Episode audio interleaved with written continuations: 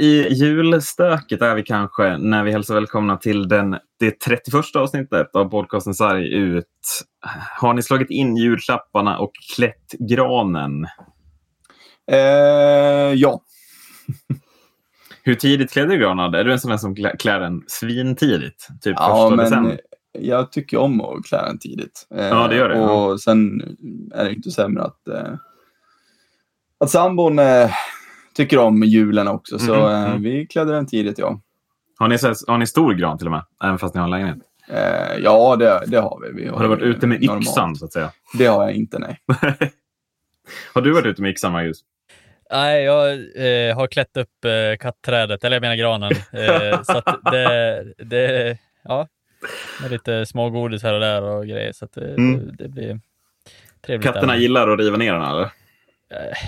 Vi har en liten mindre gran. Eh, vi har Mm. inte så jättemycket plats för en gran kan man säga. Nej, Även om vi hade tagit bort ett kattträd så hade det nog inte, det hade inte platsat med, med en stor gran ändå tror jag.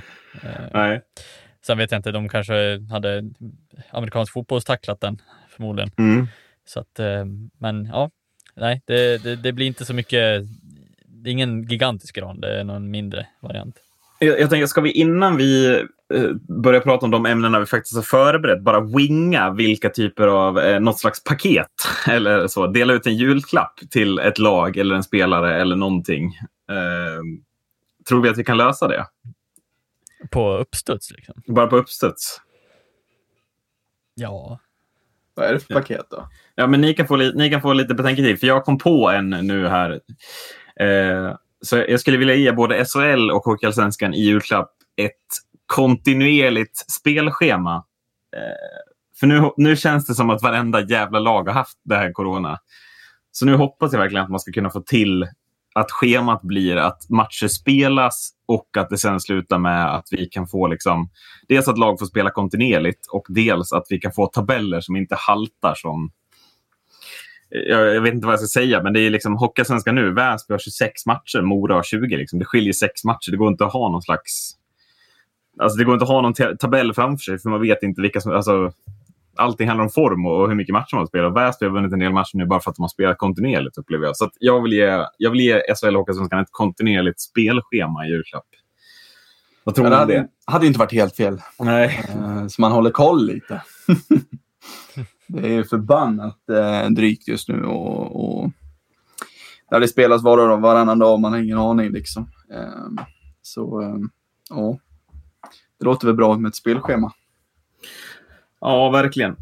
Eh, Och jag vet inte vad du säger där, Marcus, men alltså Väsby känns det inte som att de har tagit vissa segrar bara på att de har fått spela kontinuerligt, kan jag uppleva. ja, eh, nu är det nog inte något bländande ishockey de spelar i alla fall. Nej. Eh, Lavois eh, ska väl ha beröm för sitt spel kan jag tycka. Han gör ju mål på varannat skott han skjuter. Ja. Eh, men det är väl det. Alltså det är väl inte så mycket mer än så kan jag tycka. Nej. Eh, sen att de håller en, en ganska okej nivå, men jag tycker inte att det är så hög nivå som de har visat på ett sätt. Nej. Har ni... Som sagt, jag, jag ber om ursäkt. Jag gav er, det här har vi ju inte på något sätt förberett. Är det någon, har ni kommit på något? Ja, jag, jag tror att jag har en. Ja. Ehm, och det är väl just det, alltså jag skulle vilja ge, eh, ja vad ska man säga? Kan man säga ett booster pack till Brynäs?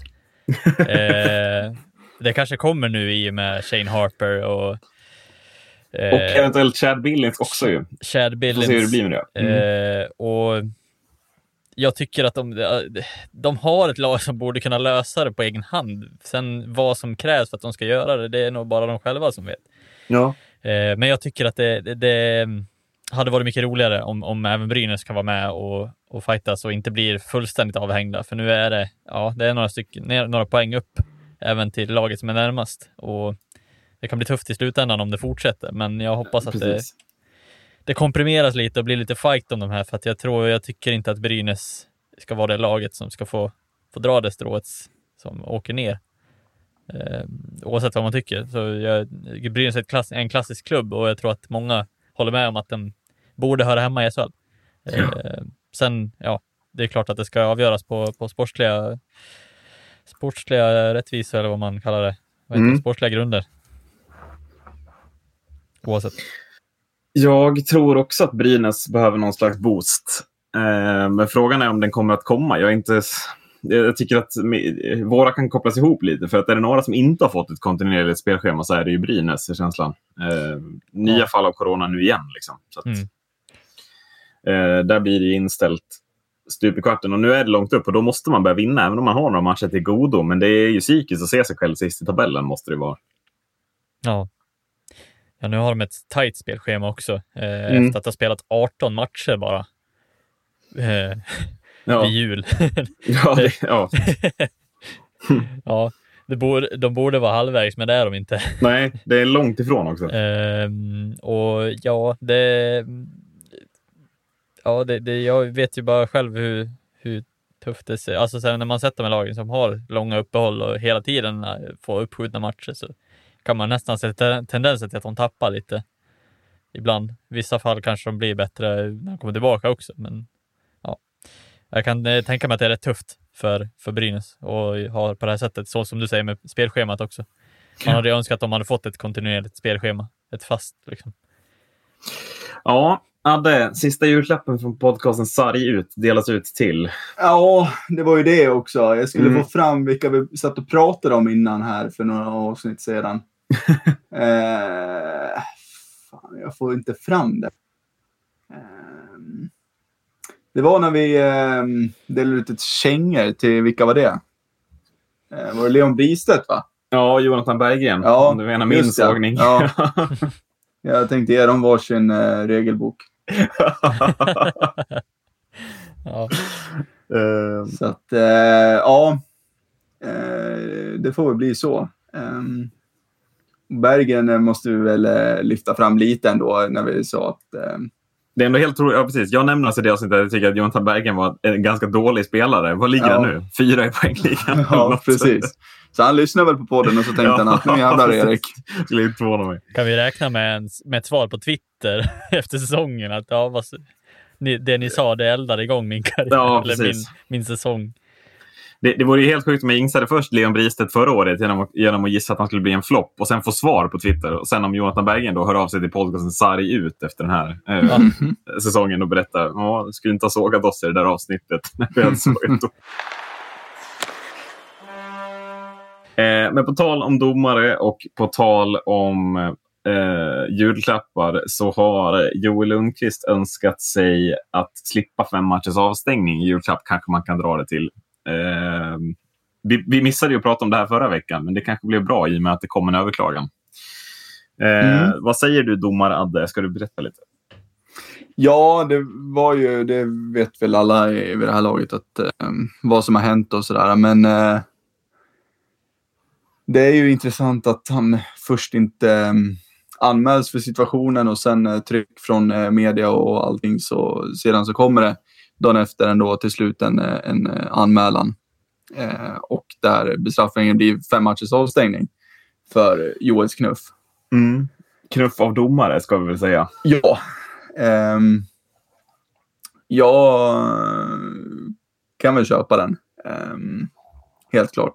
Eh, och sedan då så ehm, här i, eh, i veckan här som var, var det väl? Ja, det var det. Mm. Eh, så skickar Joel Lundqvist in en överklagan, eller Frölunda då, skickar in en överklagan till, eh, till Riksidrottsnämnden eh, mm. gällande hans avstängning eh, för, att, för att få den hävd. Eh, och eh, säga vad man vill om det, men eh, det är väl lite intressant ändå att, han gör det, eller att de gör så. Ja, precis. Eh, var, var ska vi börja någonstans? Jag, jag känner att det lite vill ändå börja i situationen. Alltså, jag vet inte vad du ja. säger, men känns det inte helt sjukt att de lyckas missa och ta, alltså, att det inte gör någon matchstraff på plats i den här matchen? Vi har ju eh, helt klart eh, snackat om det här i vår gruppchatt. eh, och som du sa Macke så är det ju ofattbart att man inte tar det här eh, på isen. Tycker jag. Eh, mm. För det är en ganska uppenbar förseelse. Liksom. Det är ingen lätt knuff liksom, som oj, det där kan hända, utan det är ändå en, en rejäl knuff. Um, eh, fysisk eh, kontakt med domare får ej ske på det viset. Eh, och därför blir jag faktiskt förvånad över att man inte tar det.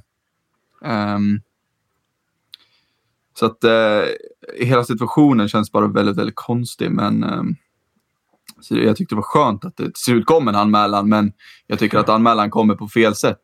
Att det blir, det blir liksom en, en, eh, en stor mediegrej av det och det, kän, det blir som att det känns att, att de faller för, för trycket. Mm. Um, och jag förstår inte varför det ska gå så långt, eh, varför det inte kommer en anmälan. Nej. De gör ju så mycket, de gör en sån otroligt stor hörna av den här fjädern. Um, gör de, tycker jag. Uh, Mm. Just att det är Joel och allting det här med att han bestämmer. Ja. Så att, uh, det, jag tycker det, jag tycker det är väl ganska rimligt, rimlig avstängning tycker jag. Uh, faktiskt.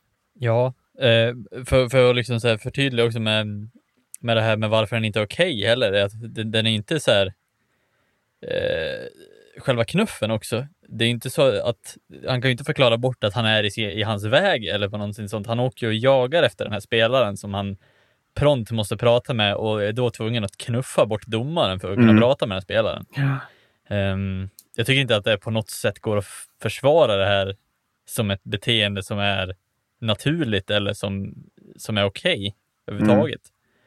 Och problemet är, jag tycker ju att jag tycker att domaren som blir knuffad i det här, oavsett hans grad, eh, om det är linjedomare eller huvuddomare, har ett ansvar att ta den här.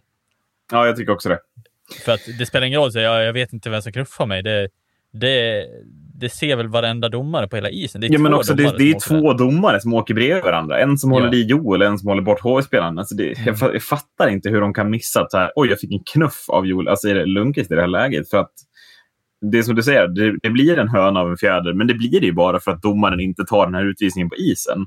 Mm. Ja. Gör han det så kommer ju anmälan alltså enligt eh, liksom den procedur som finns. Och, Ja. och då är det ju ingen som tycker att det är konstigt. Då kan man ju istället diskutera om man tycker att, ja, men det, att det är töntigt eller så. Men den, det, alltså, hela diskussionen blir ju nu bara så här att Joel kan bestämma lite hur han vill. Typ. Och, då, och sen så kommer hela, ja, men alltså, hela mediedrevet gör ju att anmälan kommer in sen. Eh, och det blir väl inte, alltså det blir bara fel, fel, fel.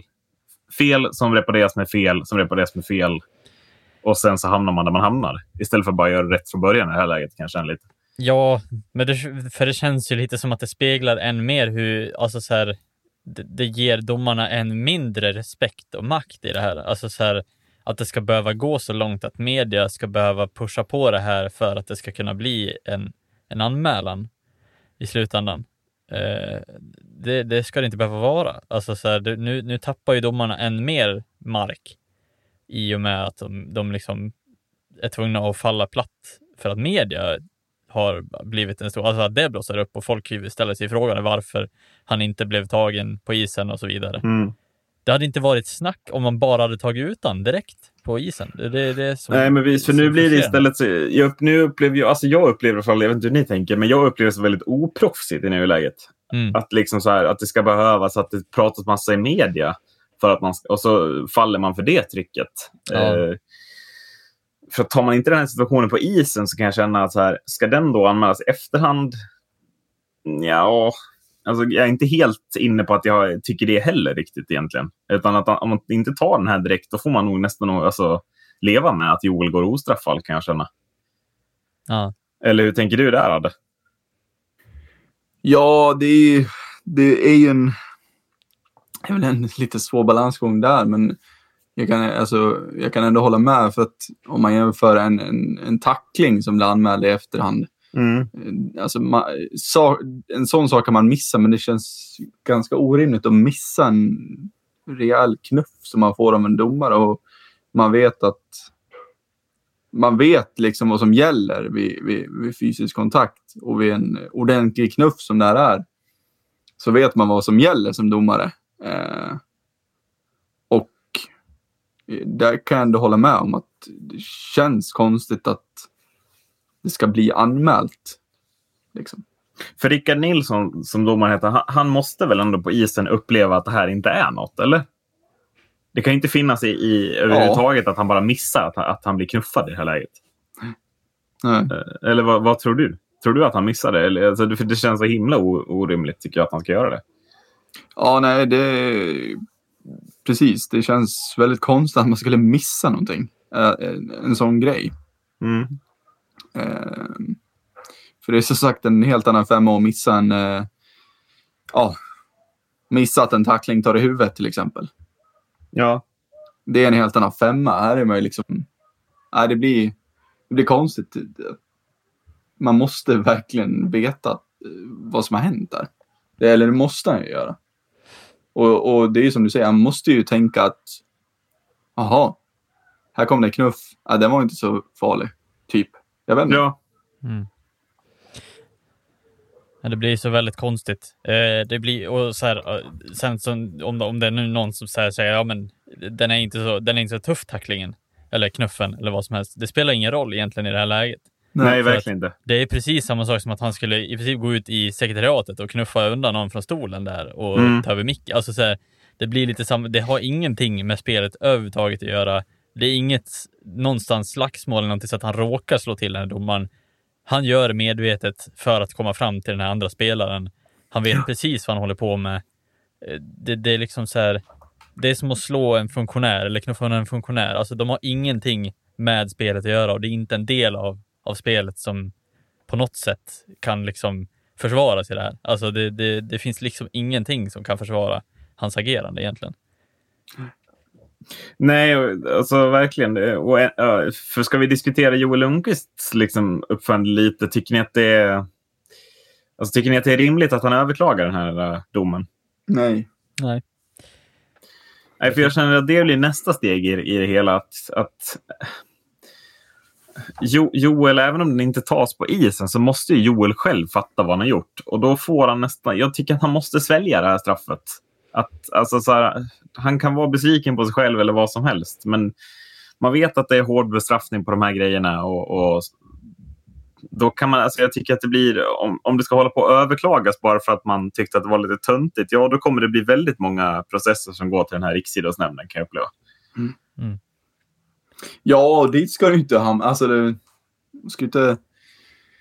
Det ska ju inte hamna där, liksom. eh, En sån här grej. Det här ska man ju bara svälja och, och gå vidare med, liksom. Mm. Ehm, och jag blir chockad för att vi alla vet ju hur Joel är som spelare och han är alltid tuff och rejäl, men han, han har en ödmjukhet för eh, alla runt omkring och sporten. Mm. Alltså så liksom. Det har varit ett, ett jätte, liksom, en jätteprofil utåt sett för SHL eh, under hur många år som helst.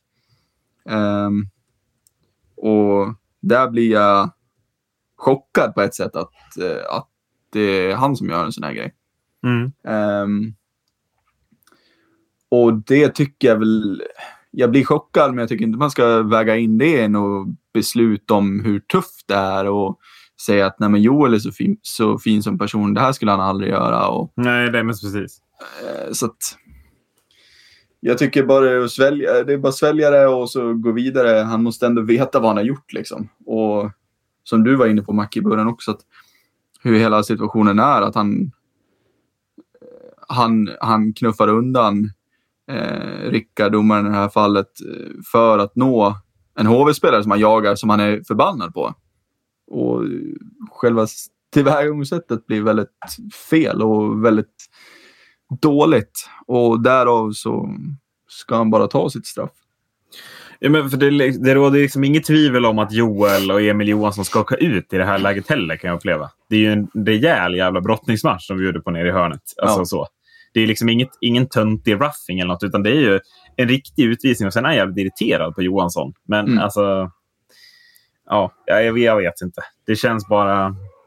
Jag vet inte riktigt vad, vad, tycker ni, vad säger de Frölunda som förening som står bakom det här beslutet? Det är inte Joel själv som går till Riksidrottsnämnden. Liksom. Utan de måste ju, det är de själva som måste Mm. jag vet inte om jag gillar det. Alltså, så här, vad- vad, står Frölunda för, för typ av att det är okej att knuffa domare? Ja, jag vet inte. Jag tror att det är mer det handlar om att man tycker att det här är ett väldigt hårt straff för någonting som inte alls är lika illa som de andra straffen som är lika långa. Eh, Nej. med huvudtacklingar tänker jag på. Eh, att det, det är de, de längderna på de straffen man jämför med. Men jag tycker ändå att det, de straffen är ju för att man gör ett fel alltså, på isen som ändå är matchrelaterat.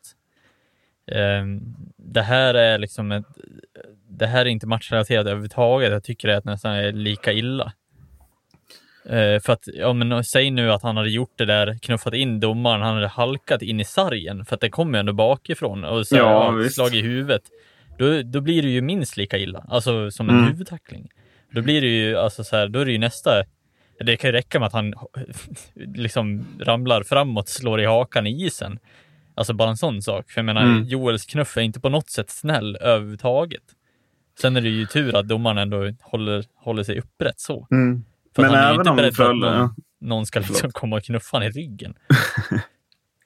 Men även om Frölunda tycker att det här beslutet är liksom hårt så kan jag uppleva, eller jag kan känna lite att man, det går inte riktigt för en klubb att, att gå ut och säga att man tycker att det här är för hårt. Utan man måste nästan bara svälja det och tycka att, och så säga liksom de vanliga orden att nej, men vi står inte bakom det här. Frölunda står för att liksom, domarna är där och gör ett arbete och vi har respekt för domarna och, och sådana grejer. Även om man tycker inne på kontoret och kansliet att nej, men det var ju för hårt. Vad är det här för tönt?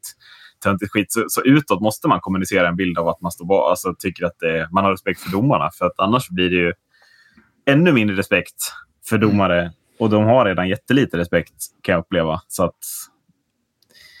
eh, ja, men det, det, blir lite, alltså det blir lite att jag tycker att det, jag tycker det är fel av Frölunda framförallt. Att överklaga det här. För att eh, Mora fick en sån här emot sig när vi var uppe i SHL. Eh, det var ju den slovakiska backen Marek Daloga som Mm. typ puttade till domaren vid sargen i något läge. Och, eh, alltså Mora, det var ju jättemånga som tyckte att det också var töntigt. Att det var så här, men det, alltså att det är fem matcher för mycket. Men, men Mora som förening gick ju inte ut och överklagade det som, alltså som beslut. Eller vad man säger. Nej. Nej. Nej, och, och om man tar och jämför också med, med Sam eh, Logquist eh, förra året Mm. i Linköping, han också får eh, väldigt liknande situation. Liksom. Ehm, där han är irriterad på Sylvegård i det här fallet ehm, och vill efter honom. Domaren försöker stoppa honom, men han ska fram till varje pris och trycker till båda händerna i bröstet. Eh, jag, tyck, jag tycker det är en liknande situation. Eh, och det är fem matcher för Lovequist och det ska vara eh, ska vara fem matcher för Joel. Eh, Mm. Och jag, jag, jag ser verkligen ingen skillnad i de här, i de här förseelserna heller. Eh, framåt, Nej, nej. ja, fram, framifrån eller bakifrån slått. Eh, en rejäl knuff. Fem matcher. Känns rätt bara. Mm. Ja, Jag tycker också det. Eh, ja, ska vi sammanfatta det? Eh, Blir det någonstans dåligt av alla inblandade? Eller vad blir Dåligt av domarna att inte ta Joel. Dåligt av Joel att inte köpa sitt straff. Dåligt av Frölunda att stå bakom överklagan. Mm. Är det någon som har gjort något bra i den här situationen? Media. Vi, Ja, ja, ja men ja, kanske. vi som faktiskt Ändå. tar upp Nej, Nej då, men Heja, ja, precis. Heja podcasten. Nej, men det- Det är ju det att det ska inte, alltså det, det ska inte behövas att media, eller att man snackar så mycket om det i media att till slut så faller man för det. Nej, precis. För det är inte bra, Eh. det är inte bra agerat av förbundet heller. De som anmäler. Det är ju inte heller jag- bra.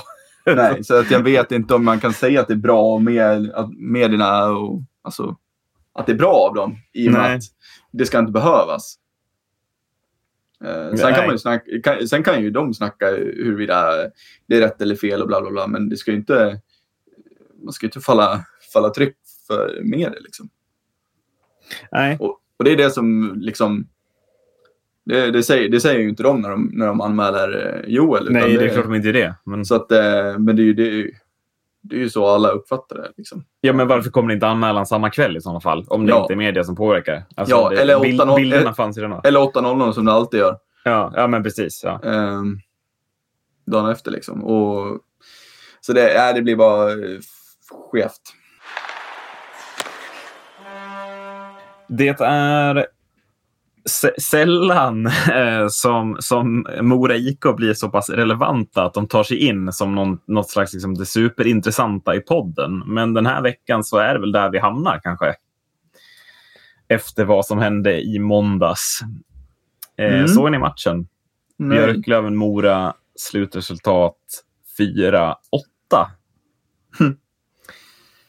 Eh, bara spontan reflektion över resultatet innan, jag berätt, innan vi går mer in på vad som hände. Efter att ha sett lite highlights så um, ja, känns det väl som en 8-4 match när man ser vissa aktioner. Ja. Um, men uh, det är ju ja, otroligt uh, skumt. Mm. Minst sagt. Satt, satt du på Mora över 7,5 mål, Macke, eller? Ja. i matchen? Jag satt på 4-8 på bomben. Ja, precis. 987 gånger pengarna. Eller något. Nej, men Mm. eh, jag såg ju matchen. Eh, Ja, du gjorde det. Inte, inte hela matchen, men delar av den i alla fall. Och Mm. jag såg ju Björklöven fullständigt skåpa ut Mora i tio minuter. Ja, Eh, och det var väl det ungefär och sen tänkte jag, jaha. Så typ eh, kommer jag tillbaka när jag ser att du skriver 3-3. Jag tänker, vad är Mm. det som händer? Och så börjar jag kolla igen så blir jag lika konfunderad igen när man ser ett... Det är som, det är som att ha bytt match i princip. Ja. Ehm, en väldigt märklig match ska jag säga. Eh, bara så här rent ur, ur ett match, matchperspektiv. Um, väldigt många, många märkliga händelser, si- alltså situationer i sig ska jag säga. Och, eh, men det kommer vi till antar jag. Ja, men vi går igenom lite då. Eh, inför den här matchen så stod Björklöven i 1.30 att slå Mora på hemmaplan. Eh, känns det som ett ganska rimligt odds att Björklöven vinner den här matchen vid 70 av 100 tillfällen om den skulle spelas 100 gånger. Mm. Eh, det är nästan så att det är, i, att det är ett högt odds kan jag uppleva. Det, eh, hur bra Björklöven har varit. Eh, de går ju upp till 3-0 Björklöven och de, ja, det är som du säger Magnus, Mora är ju inte ens nära att ha ett anfall första 10 minuterna. Utan det är Björklöven, Björklöven, Björklöven. Börjar efter 30 sekunder med 1-0 i röven. Liksom. Mm. Eh, sen gör Mora eh, 3-1 i powerplay. Jag vet inte om Björklöven... Eh, det ser ju väldigt konstigt ut i försvarsspelet, men det känns som att backarna lite räknar in fel. Att de tror att den andra ska gå på honom. Liksom. Eh, men det är ju vid ställningen 3-1 som det börjar bli kaos. Eh, för att när Björklöven leder med 3-1 så har de alltså högre odds att vinna eh, än vad de hade vid ställningen 0-0. Eh, och det, detta uppmärksammas ju såklart i sociala medier att va, det här är lite shady. Eh, och än sjukare blir det då när Mora sen lyckas hämta in till 3-3. Och vid ställningen 3-3 så står alltså Björklöven i 5,50 att vinna den här matchen. Eh, från det så fortsätter ju bara Mora då, och de gör ju åtta raka mål i den här matchen. Eh, så att det blir ju 3-4, 3-5, 3-6, 3-7, 3-8. Eh, ja, och oddsen ska ju inte ligga så högt på Björklöven i det läget såklart, utan det ska ju ligga ner mot en 50 då kanske, i och med att matchen är närmare avslut. Då. Eh, Björklund får göra 4-8 i någon slags halvinspirerat powerplay på slutet.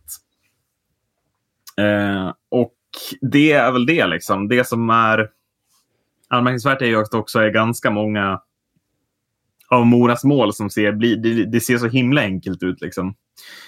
Eh, det, det är någon spelare som går bort sig, målvakten sitter mest still och tittar på en puck som, som går in. Liksom. Och eh, Sen utreds ju allt det här för matchfixning, men man har ju nu alltså kommit fram till att, att ja, men Ishockeyförbundet och polisen har lagt ner sina utredningar. Det är alltså inte matchfixning i den matchen, utan eh, det man kan se är att det har berott på något slags misstag. Då, att, att oddsen har vänts, vänts fel. Eh, så. Att, ja, men det här 1,50-oddset som Björklöven skulle ha eh, vid ställningen 3-1, det var det, det oddset som Mora hade haft om Mora hade ledat med 3-1. Att man helt enkelt har vänt det åt fel håll. Eh, jag, jag vet inte riktigt vad, vad ni tycker. Jag kan känna lite att man nästan har utrett det här lite för lite. Att man skulle behövt utreda det lite mer. Jag vet inte vad ni tycker. Ja, alltså det, det känns...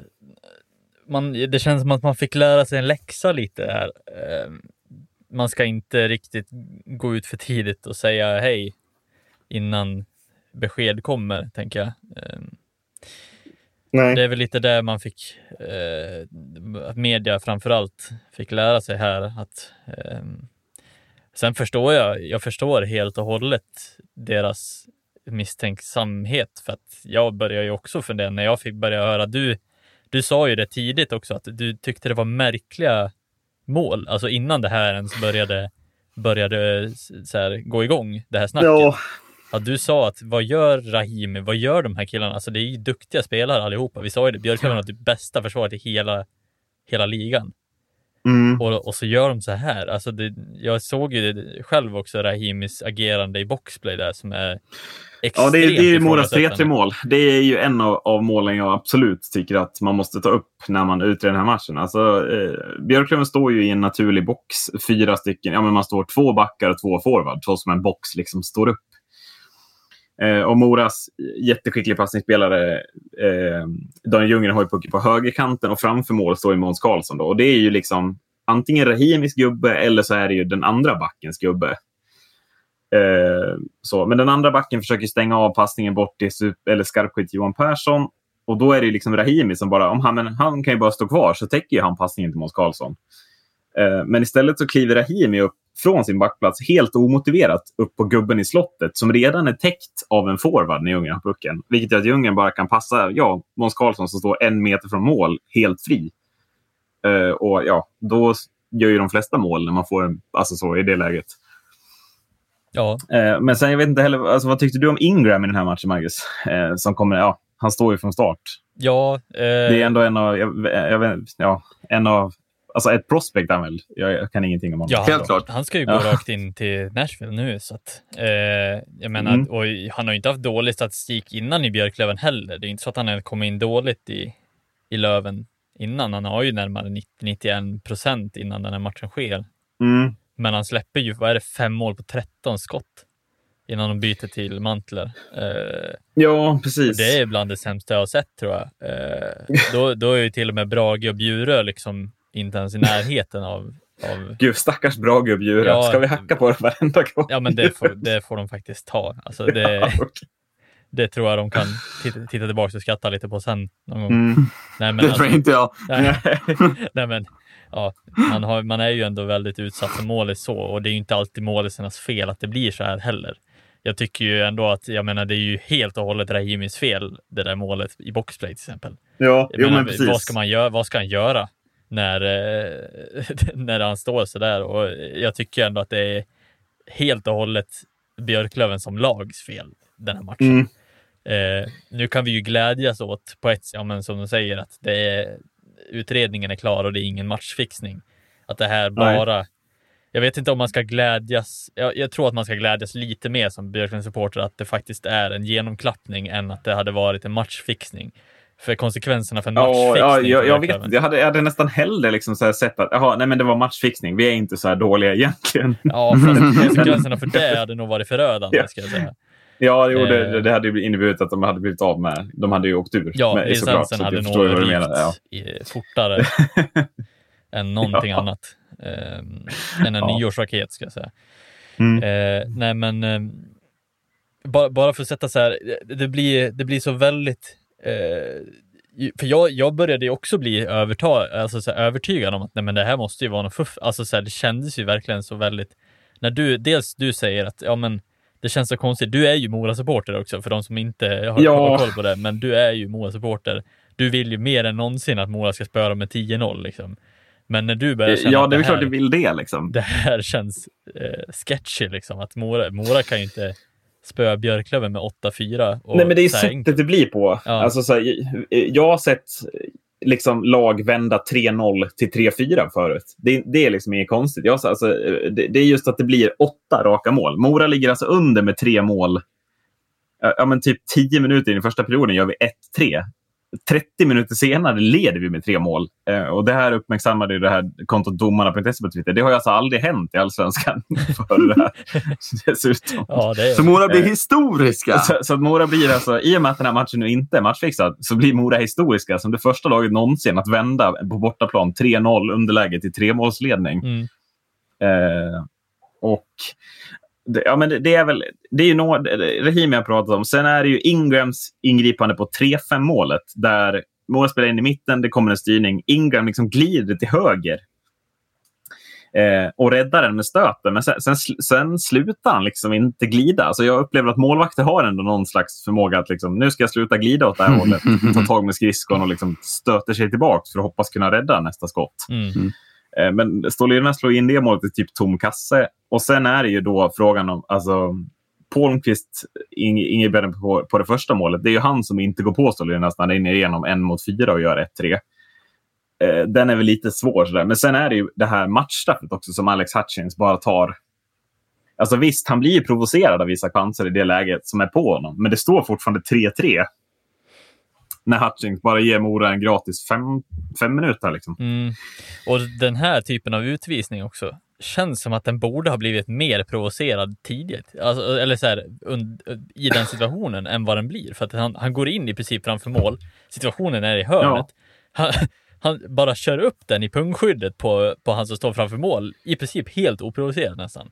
Jo, men Pansar ger honom en liten crosschecking liksom ja, tidigare det ju, i får man ju varje gång man är där. Alltså det är ju varenda gång man är, står framför mål så får man ju en Ja, och det är väl inte så att Alice Hutch, alltså Hutchings, han är en av deras viktigaste spelare. Han får ju de här typerna av smällar varje match. Mm. Skulle han bara lacka ur helt plötsligt nu? Han har inte tagit någon match av tidigare år vad jag vet. Liksom. Nej, precis. Jag, jag tyckte också att det var jättekonstigt. Liksom. Och jag tycker att man ska börja fundera över vad är det som är obalans i Björklöven som gör att det blir så här? Var, varför är det vad, vad är det som orsakar just den här genomklappningen? För att man är ju inte dålig som lag när man visar att man fullständigt kåpar ut Mora i tre minuter eller tio minuter först och sen mm. klappar igenom. Det är ju någonting som antingen hänt under tiden i matchen eller eh, någonting som är obalans i lag. För jag menar, man har ju förlorat ja. sådana här matcher mot bottenlag, tre, fyra matcher i rad.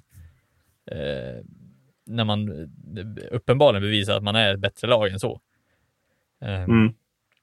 Och jag tycker att det är väldigt konstigt att, att, man, att man lyckas förlora med matcherna. Eh, jag, har, jag har en liten så här, jag tänkte, jag har en liten lätt sammanfattning över hur, alltså hur sjuk den här sannolikheten är också. Eh, mm. för jag tänkte ta, ta den bara lite så här snabbt. Med, ja. För att vi, vi pratade om att Björklöven klappar igenom så här fullständigt. Det har ju aldrig hänt eh, i Hockeyallsvenskans historia att något lag har vänt så pass hårt. Nej, precis. Eh, men att Björklöven klappar igenom samtidigt som B365 gör samma sak. Eh, mm. För B365 har väl aldrig heller klappat igenom så pass att de har bytt odds på varandra. eh, någon gång. Jag vet inte om det finns någon historik på det. Eh, I hockeysammanhang tänker jag också. Eh, mm, för det har väl aldrig ja. blivit någon sån här hård spekulation kring det. Um... Nej, men för det är lite det. Du är inne på någonting nu. Att, så här, är det här verkligen liksom sammanträffanden? Att samtidigt som det blir fel i oddsen på Bet365 mm. så, så tappar Björklöven 3-0 till 3-8. Ja, 3-4 hade ju varit okej, okay, ja men då är det så. Ja, ja men precis. Det, och det säger ingenting om. Man har sett sådana vändningar förut. Att det är farligt att leda med 3-0, Mora blir lite hetare och behöver poäng. Liksom. Mm. Um, mm. Och sen blir ju efterföljden blir ju så att spekulationer som övergår i att en så kallad spelexpert går ut och är helt säker på att det är matchfixning i media. Um, ja, precis. Som hela, det spär ju på liksom hela, hela den här diskussionen och media går igång på det här. För de... Och även många storspelare på sociala medier också. Ja, eh... Eh, med många följare där fick ju igång den här diskussionen. Eh, vissa gick ut och sa att de var helt säkra på att det var matchfixning. Eh, så, ja, precis. Och, och, det tycker jag är lite farligt att man går ut så tidigt. Ehm, som redan nästan under, alltså så här, direkt efter matchen, att man säger så. Mm. Eh, så det är väl lite bådas fel där kan jag tycka. Alltså så här, media spär ju gärna på det här för att de vill ju jättegärna ha det här. Det, det är ju guld för dem förmodligen. Ja. Eh, detta spär ju på medan Rahimi, Crandall, Palmqvist, Ottosson, Hutching står för extremt ifrågasättande insatser samtidigt. Eh, ja, sekvenser framförallt. Ja, kanske. alltså jag kan ju mm. tycka att visst, en spelare brukar ju alltid vara, kunna vara riktigt, riktigt kass. Alltså så här att någon mm. spelare gör en riktigt gen, alltså, genomdålig. Alltså jag tänker mer Alltså Ryno missar mål dåligt när det är öppet mm. mål. Nu har, tycker jag, jag har tagit upp Ryno flera gånger. Nej, men eh, ja, jag fattar vad jag menar. Alltså, så här, när man har öppet mål, typ Patrick Stefan också i Dallas. Alltså, man ska ju mm. inte missa när man är helt själv, men det gör, gör de ändå. Liksom. Och det, det, det händer ju alla någon gång, men att det händer alla samtidigt, det förstår jag inte. Eh, men och det som även spär på också gör ju att Svenska Spel stoppar allting. Då börjar alla spekulera ännu mer och media Ja, börjar spekulera allting. Bygger på det här. Wennerholm går ut och säger att han Mm. hört rykten om tidigare matchfixning i Löves matcher. Det hade man gärna velat hört mer om. Vart har han fått det här ifrån? Varför går han ut med det? Har han några grunder alls? Tidigare matcher, vilka matcher är det? Är det liksom de tidigare matcherna som de har spelat mot de här bottenlagen de har förlorat eller vad?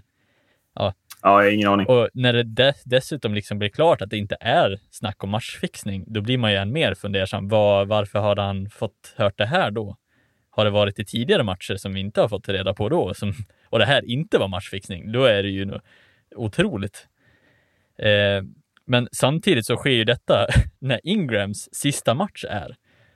Det här är alltså Ingrams Mm. sista match innan låneavtalet tar slut. Ja, just det. Du ska komma till den här grejen också. Ja, Ja. Ja. Och då innebär det att ingen vet ju om att Ingram ska åka tillbaka heller. Så Ingram åker tillbaka till Nashville. Alla tror att, ja men, det, Ex, Expressen får ju tidigt upp det här och säger att Ingram eh, lämnar Björklöven på en gång. Detta spär ju på ännu mer att, ja men shit, nu är det ju någonting som är fel. Så folk börjar ju än mer liksom spekulera att, ja men, Ingram lämnar, undrar varför. Är det han som är orsaken bakom eller vad?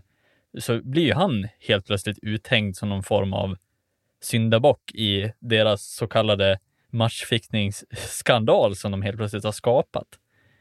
Eh, och, och liksom blir tidigt utsatt eh, av, jag till och med var in på, eh, på hans Twitter och kollade. Eh, och då är det alltså folk som har hört av sig och sagt, ja, hur- fråga hur mycket pengar fick du för matchen och så vidare. Så att det gick ju så pass långt att han fick personliga påhopp. Liksom. Ja, men för det var ju dessutom med den här grejen att, att då när de skulle ringa upp Björklöven och fråga den här grejen om, alltså om Ingram, att han lämnade, då, då lyckas man ju slå fel nummer på P4 i, i Västerbotten. Och det Och den som, sva, den som svarar spelar då med i den här eh, i, i illusionen och säger bara att nej men vi sparkade Ingram. ja, och så är det inte ens, ja, ja, alltså Ja. här, och det, blir ju liksom bara, he, hela, den här, hela den här raden med alla de här händelserna som sker, ja. det är bland det sjukaste jag har hört. Alltså så här, Ja. för att, vadå, att äh, de slår en siffra fel, Västerbottenskuriren slår en siffra fel, kommer till en människa som de absolut inte har en aning om. Den här killen är tydligen hockeykunnig och vet vem Ingram är och säger Ja. att han har fått sparken. Har han koll på det här? Det är också så här helt otroligt. Vem är det man kommer till då? För att man skulle komma till Per Kente, vad man tror Ja, att men Per och också Kente är. hur hör man, alltså så här, den, här, den här personen måste ju prata finlandssvenska för att annars så kan man ju inte missta den för, för Per Kent. Nej, men det är ju också ett sms, för, eh, vad, vad jag hörde. Så Jaha, att det, okej, ja. det, det är svårt att höra då. Ja, ja, okej. jag tror Ja, det är jävligt Jag svårt. tänker, ring, ringer man inte då? Men ja, Jo, jag kanske inte det hade jag också gjort. man, man direkt på ett sms svarar, han har fått sparken också. Det är ju också, det, det hade ju varit sjukt att Per Kente svarade det på en gång. Mm. Men eh, alltså, och sen går man ut med det här varav alla medier hänger på. Aftonbladet la också ut det, Ingram får sparken. Alltså det, det blir liksom hela media på något sätt skapade den här, känns det som, väldigt tidigt. Alltså de byggde upp den här informationen om att Björklöven är i någon form av matchfixningsskandal innan de ens har blivit bekräftade eller utredda. Eh, och det här i sin tur har ju alltså så här, ja, dels tänkte jag ju säga också så här, vad är oddsen bokstavligt talat? Alltså nu blir det lite kul med att, Mm. ja men hur sjukt är det att allt det här faller samman? Och jag tänker på ett Björklöven som ändå så här, hur, hur otur kan man ha under samma år? Alltså så här, man, man, blir, man blir nekad från att spela sitt livs final mot Modo för att ta sig upp i SHL. Man hade världens chans att ta sig upp i SHL. Coronaviruset sätter stopp. Sen ska det här ske nästan ett år senare, alltså så här, lite mindre än ett år senare. Med absolut sjukaste händelsen någonsin för att typ sänka Björklövens eh, anseende, alltså så här, till botten. Det blir liksom, ja, det är så jäkla sjukt är det. Bara. Eftersom nu, nu är det bekräftat och det är så jävla skönt för att jag har ju själv liksom så här, jag har ju kusiner och så vidare som, som håller på Björklöven så jag har ju lite, även om Björklöven är rivaler för mig så eh, är de lite Ja, men jag, jag, jag, ser, jag, tycker, jag tycker om Björklöven ändå och jag tycker att, att de är ett fantastiskt lag och de förtjänar inte den här skiten. Men att det ska, nu har ju Björklövens anseende redan blivit skadat.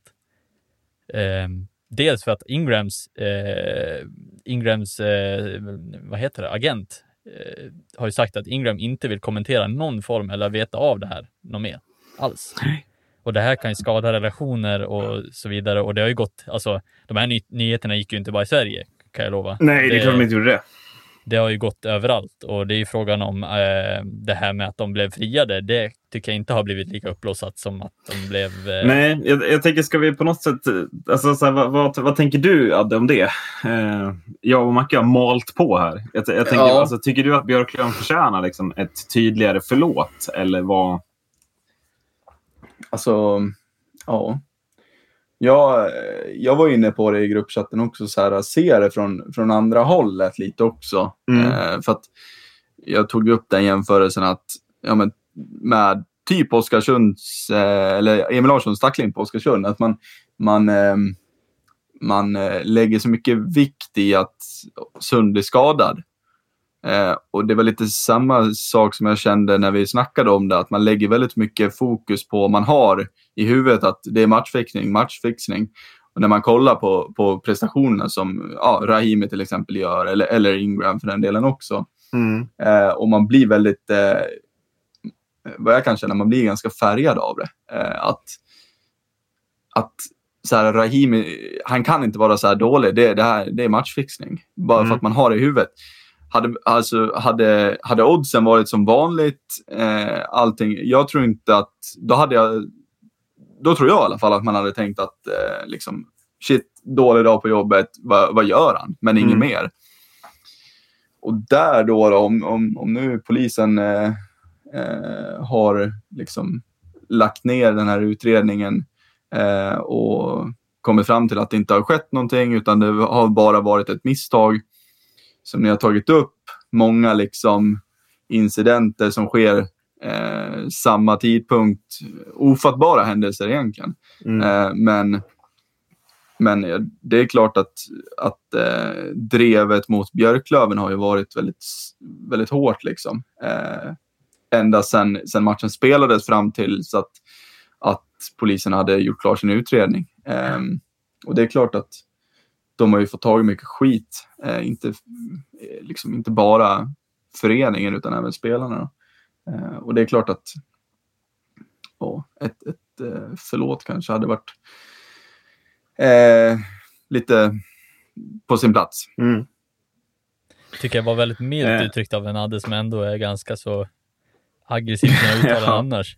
Jag skulle vilja, nästan vilja se media alltså, få en, en rejäl böteslapp här, alltså egentligen. Eh, alltså jag tänker mer på, för, kan man nästan snacka om att det är förtal nästan? Alltså att om det nu är så att de är friade från det här, alltså de har ju redan skapat den här formen av eh, de har ju skapat det här i princip. Att ja, samtidigt med det, det var väl inte, alltså det var ju visst, det var ju någon expert som gick ut med det, men annars var det ju mycket att de bara rapporterade om att så här, det är misstankar och matchfixning, inte mer än så. Eh, mm. och det, det, var det ju liksom. Det var ju inte fel, så jag tror att de klarar sig ganska bra ändå. Ja. Däremot så... Men alltså, jag tänker vissa medier var ju lite mer aggressiva än andra. Eh, ja, så är det. Jag vet Expressen var ju mera att misstankar om eh, att man är mer generell. Eh, men att man så tidigt, man förlitar sig på varandra väldigt mycket tycker jag. Mm. Eh, och att det hellre handlar om att vara först ut än att det handlar om att vara rätt ut. Ja. Ehm, och det blir lite, ja, ja, jag, tycker, jag tycker det är fascinerande att Västerbotten lyckas få slå in en siffra fel och komma till någon som... För det är väl ändå, om vi ska säga, alltså så här, veckans toppring går ju absolut till den personen som får det här smset och spelar med och svarar att de sparkade Ingram. Ja, alltså han gör ju ingenting alltså, fel egentligen. Alltså, så här, han kan... Eh, det kan ju vara en kvinna, Marcus, men absolut. Ja, men den, hen, vad som helst. Alltså, så här, hen? Det kan vara en autobot som har svarat det här. Alltså, jag, Tim, den personen. Timrås sportchef kom den till och han svarade. Den, Avsnittsnamn Kvinnohataren. Nej. Nej. Vad heter det? Nej. Nej. Men nu när man, när man ändå så kan andas ut och alltså, jag låg ju sömnlös. Jag tänkte att nu, alltså, för på, på riktigt kan man ju ändå så här tycka, du måste ändå förstå så här, i, i det här med att det är så många sjuka händelser som sker i exakt rätt tidpunkt här.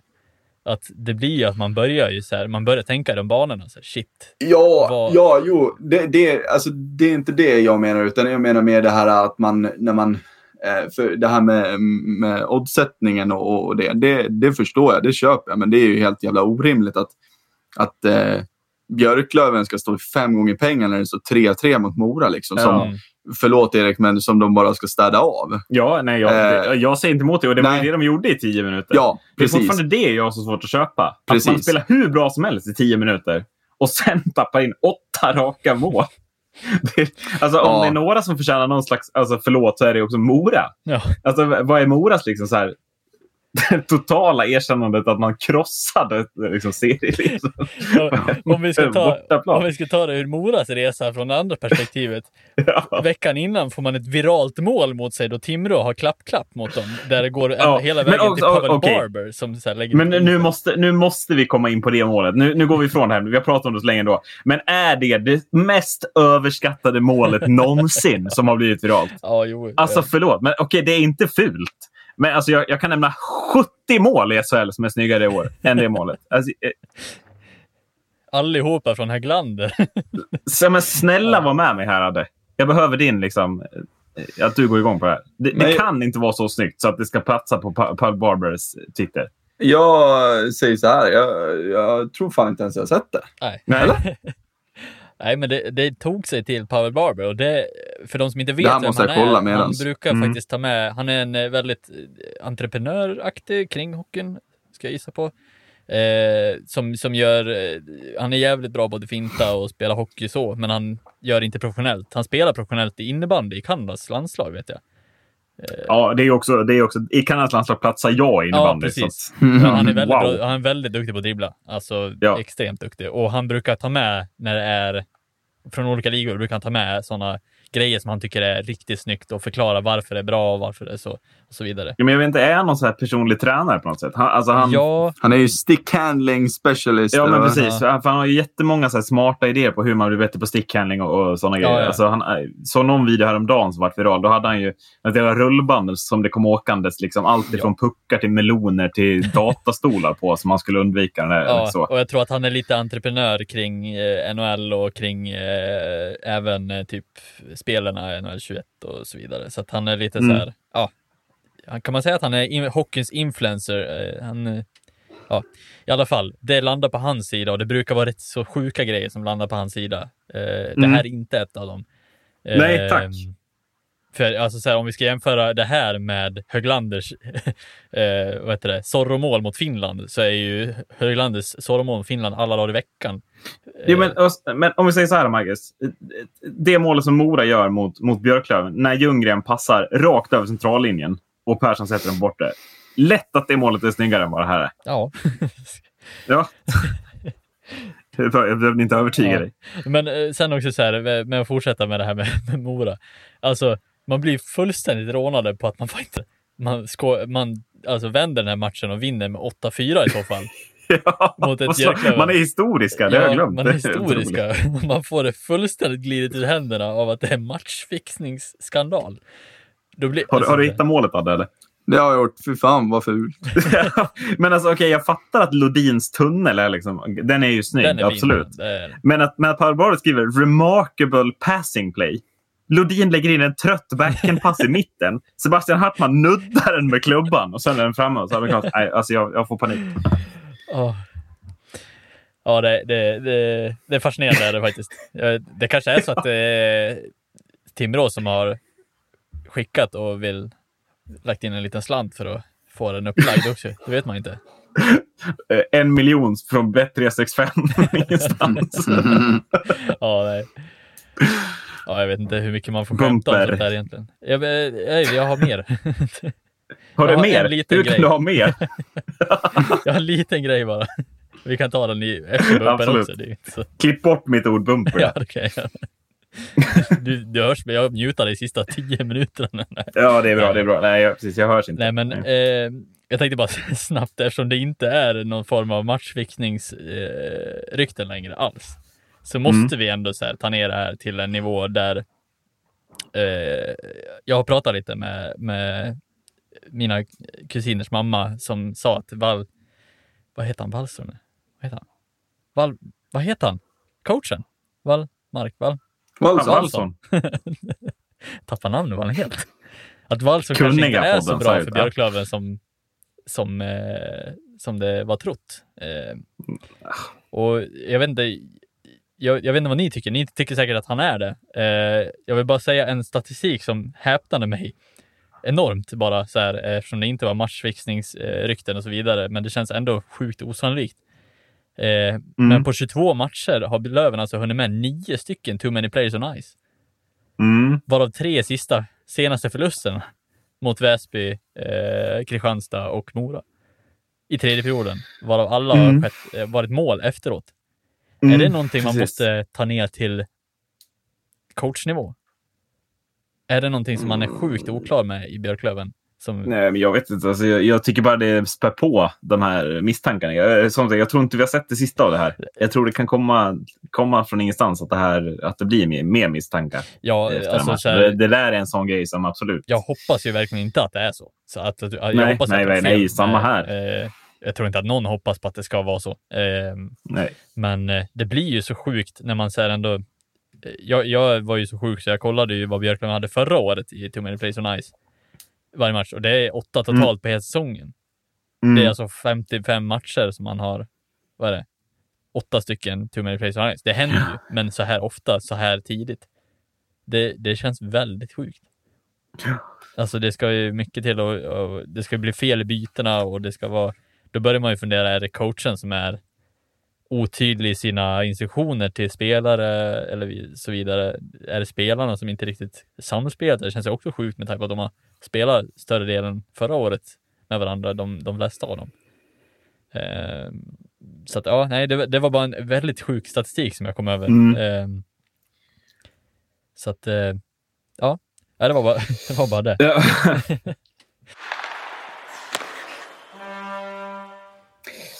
Ska vi också säga någonting om Timrå kanske innan vi avslutar den här podden? Ja. Mm.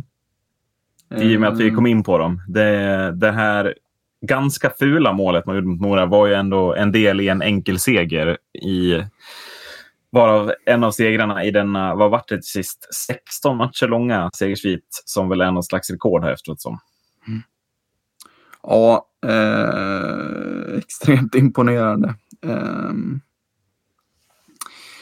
hur eh, väloljad den här lagmaskinen är. Mm. Jag tänker på tal om tränare som kanske behöver få någon slags erkännande så börjar väl Fredrik Andersson ändå börja ses som en, en tränare som borde vara aktuell för SHL-lag kan jag känna. Eh, sett till vad han har gjort med det där Timrå-laget de senaste två säsongerna.